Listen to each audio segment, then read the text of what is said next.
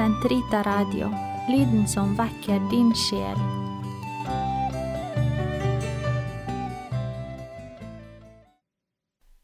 Om åpenbaringene i Fatima I dag får vi en helt spesiell episode av Karmels hage, som er preget av denne ukens viktige vending i verden. Tirsdag den 15. mars kunngjorde nemlig pave Frans at han som del av en botsseremoni i Peterskirken skal vie Russland og Ukraina til Marias uplettede hjerte. Dette skjer på høytiden for Herrens bebudelse, den 25. mars. Det ligger allerede en hel del informasjon på Sankt Rita Radios hjemmeside om hvordan vi skal forstå dette. Peder Foss har en utmerket artikkel på hjemmesiden, og det har også Maria Fongen, som har skrevet en god oversikt over den historiske dimensjonen av dette, som har vært på alle pavers bord siden jomfru Maria kom med budskapet til de tre gjeterbarna i 1917. Peder Foss skriver For å forstå denne konsekreringen må vi tilbake til Vår Frues åpenbaring for de tre gjeterbarna i Fatima i 1917.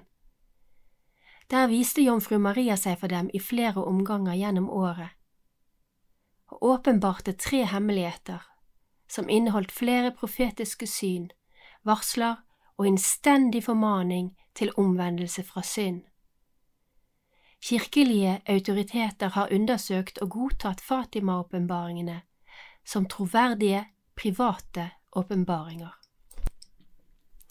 Denne oversikten over bønner og den åndelige dimensjonen av dette som jeg vil prøve å gi dere i dag, føyer seg helt naturlig inn i det temaet vi har snakket om i de siste fem episodene av Karmels hage, nemlig offertanken i katolsk spiritualitet. Jeg vil hevde at det blir umulig å skjønne engelens og jomfru Marias budskap i Fatima om man ikke også er kjent med kirkens offerteologi.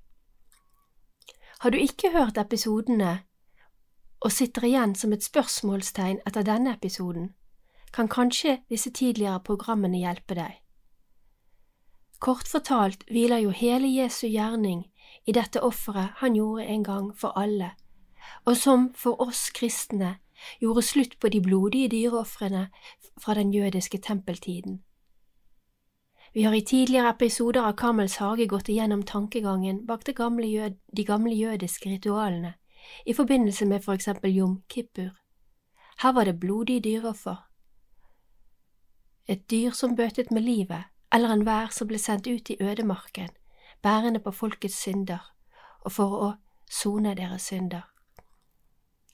Etter Jesu endelige offer er det slutt på blodige offer i kristendommen, men det skulle herske over enhver tvil at vår kirkes bankende hjerte, eukaristien, står i offerteologiens tegn.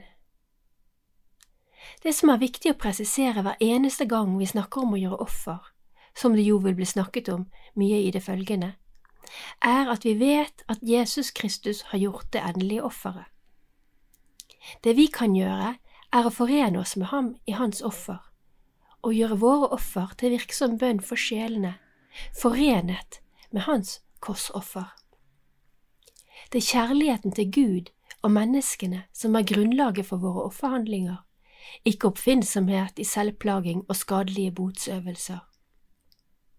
Det er slutt på den tiden der åndelige ledere i kirken understøttet slikt, og jeg vil på det sterkeste fraråde botsøvelser eller offer som kan skade vår og dypest sett våre nærmestes fysiske eller psykiske helse. Det er mer enn nok av offer å gjøre, som vi har beskrevet i tidligere programmer, uten å skade vår helse. Å se og angre sin synd er uendelig smertefullt om man står under korset og opplever Kristi lidelse for oss. Å tøyle våre begjær etter god mat, adspredelser og andre stimuli kan være stort og vondt for mange. Listen er lang over gode offer som vi har vært inne på før. Men vi må aldri glemme at alt vi gjør av offer, springer ut av kjærligheten til vår Herre Jesus Kristus, Han som elsker alle menneskene på hele jorden. Jeg vil eh, lese litt av det den hellige Jose Maria Escriva skriver i sin preken om denne kjærligheten, og jeg siterer.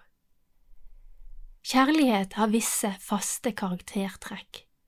Noen ganger snakker vi om kjærligheten som om den var en impuls som driver oss til selvtilfredsstillelse, eller bare et middel til egoistisk realisering av vår egen personlighet.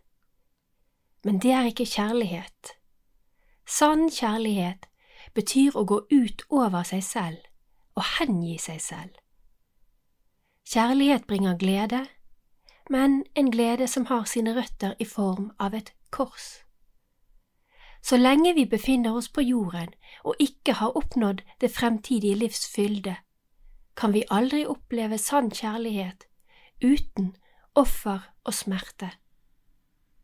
Denne smerten blir mild og kjærlig den er kilden til, til den indre glede. Men det er en ekte smerte, for den betyr å overvinne vår egen egoisme og ta kjærligheten som regel for alt vi gjør. Alt gjort av kjærlighet er viktig, uansett hvor lite det kan virke. Gud har kommet til oss, selv om vi er skrøpelige skapninger, og han har fortalt oss at han elsker oss jeg hadde min fryd i menneskebarna. Vår Herre sier til oss at alt er verdifullt, de handlinger som fra en menneskelig synsvinkel kan synes uvanlige, og de som virker uviktige. Ingenting er bortkastet. Så tilbake til Fatima, der det i 2017 ble markert at det var 100 år siden åpenbaringene i Fatima der jomfru Maria viste seg for de tre gjeterbarna Francisco, Jacinta og Lucia. De var for øvrig søsken og fettere og kusiner. Francisco og Jacinta var søsken. Markeringen tok til på hundreårsdagen den 13. mai, med helligkåring av de to gjeterbarna Francisco og Jacinta Marto. De døde av influensa Francisco i 1919 og Jacinta i 1920, i en alder av henholdsvis ni og ti år. De ble saligkåret i april 2020 og altså helligkåret 13. mai 2017, samme dag som søster Lucia, som for øvrig døde i sitt karmelittkloster i 2005, tok sitt første steg inn i sin helligkåringsprosess. Hun ble da erklært gudstjenerinne. Barna fikk sammen oppleve seks Maria-åpenbaringer, som etter hvert ble overværet av store folkemengder. Maria hadde helt klare instrukser for bønn og offer for fred i verden og sjelenes omvendelse. Det var instrukser som også impliserte kirkens pave og biskop, som ble bedt om snarest å, å vie Russland til Marias uplettede hjerte og om å be rosenkransen for fred. Senere, da de to yngste gjeterbarna var døde, og søster Lucia var postulant hos Dorothea-søstrene i klosteret i Tui i Pontevedra i Spania, like over grensen fra Portugal, viste Jesus seg for henne igjen. Hun fikk da instrukser om en helt spesiell bønn på første lørdag i måneden, fem måneder på rad. Både Maria av åpenbaringer og budskap om bønn fra himmelen kan nok virke fremmed for mange, så jeg vil innledningsvis presisere at Kirken verken trakter etter eller oppfordrer mennesker til å lete etter noe nytt direkte fra himmelen, vi som har fått alt i Jesus Kristus. Som Johannes av Korset så tydelig påpeker, Gud har talt sitt siste ord. Det er Jesus Kristus men noen ganger er det altså slik at mennesker blir tiltalt av engler eller Jomfru Maria. Og noen ganger er det slik at Kirken gjenkjenner det som autentiske hendelser fra himmelen, for å inspirere Kirken og de troende til et mer intenst bønneliv, rettlede eller be for spesielle formål. Fatima står i fredens tegn. Jomfru Maria oppfordrer oss til å ofre og be for fred i verden. Selv var jeg med St. Paul menighet på en pilegrimsreise høsten 2017 til Avila og Fatima. og leste i den forbindelse begge søster Lucias fortellinger om det som skjedde, og om innholdet i åpenbaringene, samt senere hennes biografi, som ble publisert i 2013. Hennes historie, ikke bare åpenbaringene i 1917, men det som skjedde senere, var av særlig interesse for meg som karmelitt, fordi søster Lucia, som vi vet, ble karmelittnonne etter en lang og omstendelig prosess. Hun siteres også i sin biografi på at jomfru Maria av Karmelberget viste seg ved solunderet 13. mai i oktober 1917. I dag er budskapet fra Fatima brennende aktuelt. Jomfru Maria lovet verden fred om Russland ble konsekrert, noe som først skjedde slik hun fortalte at det skulle gjøres, i 1984. Da hadde verden vært gjennom både første og andre verdenskrig, samt en meget lang og kald krig som ennå ikke var opphørt. Å konsekrere et land var ingen enkel prosess. Det skulle implisere paven og hans biskoper, fordi, som Peder Foss understreker i sin artikkel, vigselen er ikke en magisk hendelse og har ikke sin kraft i at paven resiterer noen ord på Petersplassen, men bygger på hele kirkens medvirke i omvendelse, bot, bønn og faste. Fred vil komme dersom enhver som leser dette, lar sitt hjerte gjennombåre av det sverd som er Jesus Kristus og Hans hellige evangelium. Og hvis han vender om fra sin ondskap, og så siterer han Efesene 4,22. Lev da ikke som før, men legg av det gamle mennesket som blir ødelagt av de forførende lystne. Bli nye i sjel og sinn. Kle dere i det nye mennesket som er skapt i Guds bilde, til et liv i sann rettferd og hellighet. Vi ber. Kom, Hellige Ånd, fyll dine troendes hjerter og tenn i dem din kjærlighetsild. Du som gjennom de mangfoldige tungemål samlet alle folkeslag til troens enhet. Send ut din ånd, og alt skal bli omskapt, og du fornyer jordens åsyn. La oss be, Gud, du har opplyst de troendes hjerter ved Den hellige ånd. Gi oss at vi ved din ånd kan glede oss over det som er rett, og alltid bli lykkelig ved Hans trøst. Ved Kristus, vår Herre. Amen. Jubileet som ble feiret i 2017, var jubileet for jomfru Marias åpenbaringer. Men de tre gjeterbarna, som var ute store, store deler av dagen fra sine hjem i Aljustrell og passet sauene, hadde allerede i 2016 mottatt instrukser fra himmelen, fra en engel. Barna kom alle fra fromme hjem og hadde klare instrukser med seg hjemmefra om å be rosenkransen hver dag men de oppfinnsomme barna fant en lett måte å gjøre det på ved bare å sitere første linje i alle bønnene. Rosenkransen var ferdig på no time. Så kunne de leke videre. De elsket å leke. På forsommeren 1916 skulle dette endre seg. Da viste fredens engel seg for dem, og det var skremmende og alvorlig for barna. De lærte å knele og be denne bønnen som er så kjent og kjær for alle som besøker Fatima. Den går som følger. Min Gud, jeg tror, jeg tilber, jeg håper, og jeg elsker deg. Jeg ber om miskunn for dem som ikke tror, ikke tilber, ikke håper og ikke elsker deg. Amen. Om man besøker Algeusdel, barndomshjemmet til Lucia, som nå er et museum, slik vi gjorde det i 2017, kan man oppdage et sted i hagen der det er så fint å sitte og trekke seg tilbake, slik Lucia så ofte gjorde det. Ved brønnen nede i hagen. Her var det engelen viste seg for annen gang for barna. Det var midtsommer 2016. Barna lekte ved brønnen, og Portugals skytsengel kom til dem, mildt irettesettende. Be Be, be og gjør offer til den høyeste. På spørsmål fra barna hva offer var, forklarte engelen. Gjør alt du kan til et offer, og ofre det til Gud, som en reparasjonsakt for de syndene som krenker ham, som forbønn for syndernes omvendelse. På denne måten vil dere bringe fred over deres land. Jeg er dets verneengel, Portugals verneengel. Og fremfor alt, aksepter og bær underdanig de lidelser som Herren vil sende dere. Dette er kraftig kost til barn, men nå ser det ut til at himmelen nettopp bruker barn til slike beskjeder.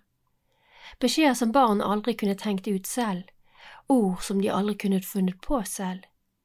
Slik sørges det for troverdighet. Men barn som skal lide for Gud, hvordan kan vi tåle å høre noe sånt? For disse barna fikk sannelig lide, og jeg hopper litt frem i tid med dere. Etter at Maria-åpenbaringene ble kjent, ble de satt i fengsel for sine antatte løgner. Lucias mor ville aldri tro på hennes opplevelser og prøvde å straffe og true henne til å trekke dem tilbake. Hennes far støttet henne, men ble stadig mer fremmedgjort fra familien av påkjenningene. Barna ble altså kidnappet og fengslet og forhørt, og truet med å bli kokt i en balje med olje. Ingen som mottar åpenbaringer, slipper forfølgelse. Derfor går det ikke inflasjon i slikt. Kun dem som har et ekte budskap, utholder det det utløser. Småbarn satt altså i fengsel den 13. august da jomfru Maria hadde varslet at hun skulle vise seg. Hun ventet da til de kom ut to dager senere. Et annet aspekt ved disse bønnene når man skal oversette dem, og budskapene, er jo disse begrepene som er umulig å oversette til et norsk som har utviklet seg i et land uten katolske tradisjoner i så mange år. Hva betyr ordet reparation? Reparasjon? Noen bruker ordet soning. Det er jo kjent i det norske språket, men jeg tror det har en litt annen åndelig betydning. Om man bruker ordet reparasjon, er kanskje det like greit, for det er nettopp det ordet åndelig sett betyr. Å reparere en ødelagt åndelig byggverk med bønn og offer, og denne bønnen for syndernes omvendelse, som igjen skal reparere det som er ødelagt i forholdet til Gud. Det er nært beslektet med Jesu offer og inspirert av den eldgamle offertanken, at man med offer og bønner faktisk kan gjøre noe for andre. I den siste engleåpenbaringen viser engelen dem en kalk og en hostie som etter hvert blir hengende i luften, og engelen lærer dem å be treenighetsbønnen. Også den står i vår katolske kirkes lille bønnebok på side 44. Aller helligste treenighet, Fader, Sønn og Hellig Ånd, jeg tilber deg inderlig og frembærer for deg Jesu Kristi høyst dyrebare legeme, blod, sjel og guddom, nærværende i alle tabernakler i verden, som soning for krenkelsene, vanhelligelsene og likegyldigheten som han såres ved. Og gjennom hans aller helligste hjertes uendelige fortjenester og Marias uplettede hjerte ber jeg deg om de arme synderes omvendelse. Så viser Maria seg altså i 1917, den 13. hver måned, seks måneder på rad. Jeg anbefaler dere virkelig å lese Lucias beskrivelse av dette. Hun forteller så levende hvordan det er å være barn i en slik tid, med en slik stor og overnaturlig begivenhet. Noen trodde på det de hadde opplevd og støttet dem, men de som ikke trodde på det, var rasende. Og det skjønner vi når det var sånne uendelige folkemengder som kom og trakket ned hele bygden. Husene ble nedrent av nysgjerrige mennesker som ville snakke med Lucia, og i årevis gjemte hun seg for å slippe unna. Da hun ble eldre, ble hun faktisk ført til et hemmelig sted i Porto for å få være i fred, før hun etter hvert skulle følge sitt nonnekall og i første omgang hos Dorotheas-ordenen. Men fred fikk hun jo heller ikke der, fordi kirkens prester og biskoper måtte undersøke fenomenet og forhøre henne. Alt står uførlig beskrevet i biografien A Pathway Under the Gaze of Mary. Vi skal nå gå gjennom de seks åpenbaringene. Den første skjedde altså 13. mai i 1917, mens barna var ute og gjetet sauene. De var da alene, og jomfru Maria viste seg for dem. Hun ba dem om å be rosenkransen hver dag for å oppnå fred i verden og krigens slutt. Den 13. juni viser hun seg igjen. Barna hadde ikke klart å holde hemmelig dette som Maria hadde sagt til dem, at hun ville treffe dem igjen 13. juni. Så den dagen var det også mer enn 50 mennesker til stede. Her snakket Maria til dem blant annet om at Francisco og Jacinta skulle dø snart. Og til Asia sa hun, Min datter, lider du mye? Mist ikke motet, jeg vil aldri gå fra deg. Mitt uplettede hjerte kommer til å være ditt tilfluktssted og den vei som skal føre deg til Gud. Den 13. juli var det mer enn 2000 mennesker til stede i Kova de Ira, der Maria viste seg i dette eiketreet, et såkalt hemlock-eiketre. Jeg vet ikke om vi har en norsk beskrivelse av det. Det er Lucia som fører konversasjonen, hun er den eldste. Maria fortsetter med å si at de må komme hit den 13. neste måned, og fortsetter å be, og hun sier, Gjør offer for synderne og si mange ganger, spesielt når dere gjør et offer, Å Jesus, det er for din kjærlighet, for synderes omvendelse, og som soning for synder gjort mot Marias uplettede hjerte. Det er også denne dagen jomfru Maria snakker om hvor utrolig viktig bønnen er, og om konsekreringen av Russland. Hun sier, Dere har sett helvete dit sjelene til de arme synderne går. For å frelse dem vil Gud opprette hengivenhet til mitt uplettede hjerte i verden. Hvis dere gjør som jeg sier, vil mange sjeler reddes, og dere vil få fred. Men hvis dere ikke slutter å krenke Gud, vil det begynne en annen og mye verre krig.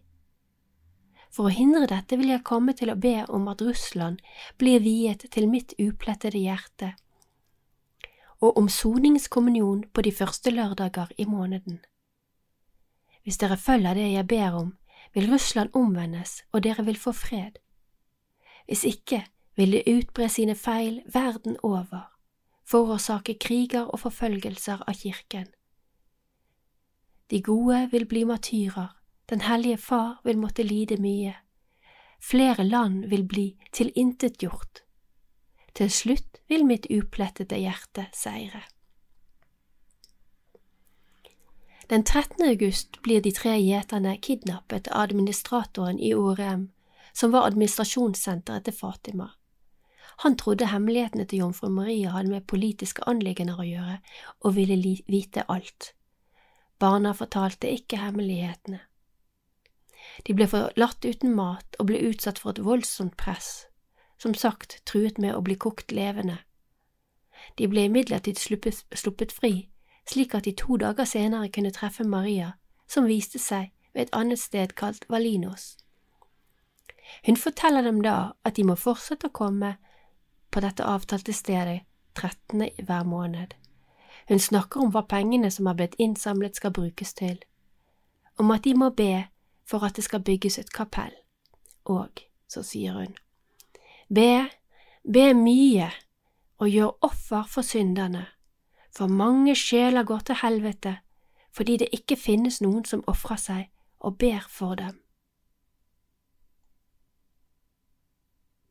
den 13. september. Nå er det 15 20 000 mennesker til stede, og vi kan skjønne at den vesle landsbyen er fra seg av fortvilelse over jorder og hager og beitemark som tråkkes ned av sultne pilegrimer. Noen har vandret i dagevis. Denne gangen sier Maria blant annet. Fortsetter å be rosenkransen for å få slutt på krigen, I oktober vil også Vår Herre, Vår Frue av smertene og av Karmelberget, og den hellige Josef med Jesusbarnet komme for å velsigne verden. Gud er fornøyd med deres ofre, men ønsker ikke at dere sover med tauet på. Hun snakker også om helbredelser. Kommentaren om tauet er til barnas meget usunne botshandling. De hadde festet et tau stramt om livet for å gi offer for sjelene. Den 13. oktober har vi den siste åpenbaringen, og det er der det berømte solunderet finner sted, som gjentar seg tre ganger. Ved siden av solen så barna den hellige Josef og Jesusbarnet som velsigner verden, Vår Frue kledd i hvitt.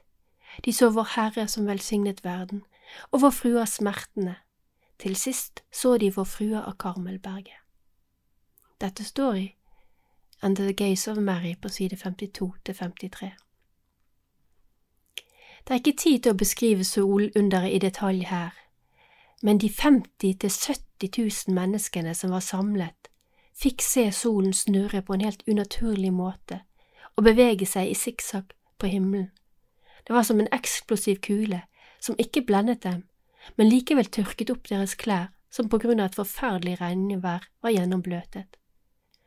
Maria gir igjen beskjed om at det må bygges et kapell, og om at de må be rosenkransen.